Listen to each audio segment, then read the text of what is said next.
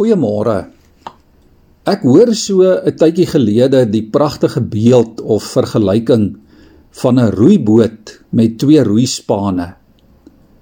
Nou ons weet in so 'n boot moet albei die spane saam en op die regte tyd op die regte manier gebruik word om vorentoe te beweeg.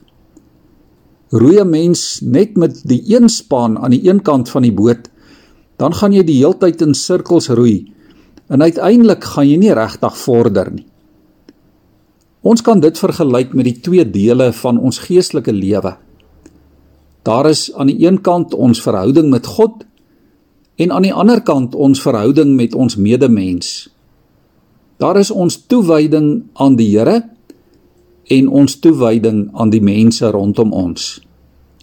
Dis soos twee roeispane. Die woord van die Here roep ons op om heilig te lewe voor God, maar ook om heilig te lewe tussen mense in die praktyk van elke dag. Dit is ook, liewe vriende, hoe die 10 gebooie saamgestel is. Dat ons lewens sal wys dat ons God liefhet, maar ook dat ons ons medemens liefhet. Die apostel Jakobus skryf oor egte en suiwer godsdiens daar in Jakobus 1 vers 27 waar hy sê egte en suiwer godsdiens voor God die Vader is om weeskinders en weduwees in hulle moeilike omstandighede by te staan en ook om jou skoon te hou van die besmetting van die wêreld. En daarmee sê hy ons word geroep om diensbaar te wees in die wêreld maar ook om diensbaar en heilig te wees voor God. En die twee kan nie van mekaar geskei word nie. Gelowiges, volgelinge van Jesus, mense van die lig, ons wat deel is van die gemeenskap van die heiliges, het 'n verantwoordelikheid. Ons het 'n verantwoordelikheid teenoor God en 'n verantwoordelikheid teenoor ander mense. Dit is die twee spane van ons godsdiens. Ons kan nie rondom talie een span Christene wees nie.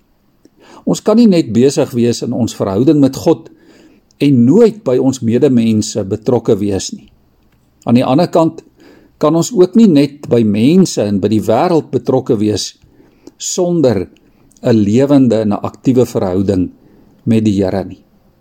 Ons word geroep, jy en ek, om twee span Christene en vol stoom vorentoe Christene te wees. Kom ons lees saam Romeine 12 vers 1 en 2. En nou doen ek 'n beroep op julle broers en susters op grond van die groot ontferming van God. Gee julleself aan God as lewende en heilige offers wat vir hom aanneemlik is.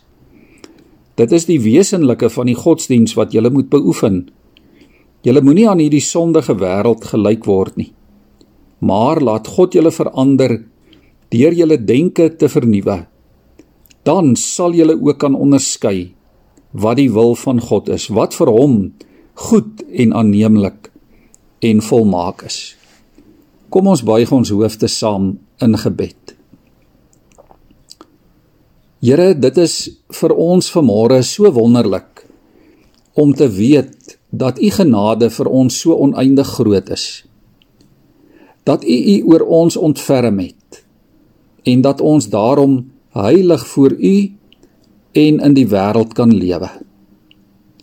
Here, ons gebed is dat u ons sal help, dat u ons sal lei deur u Gees om u lief te hê met ons hele hart en om ons naaste lief te hê soos ons onsself liefhet.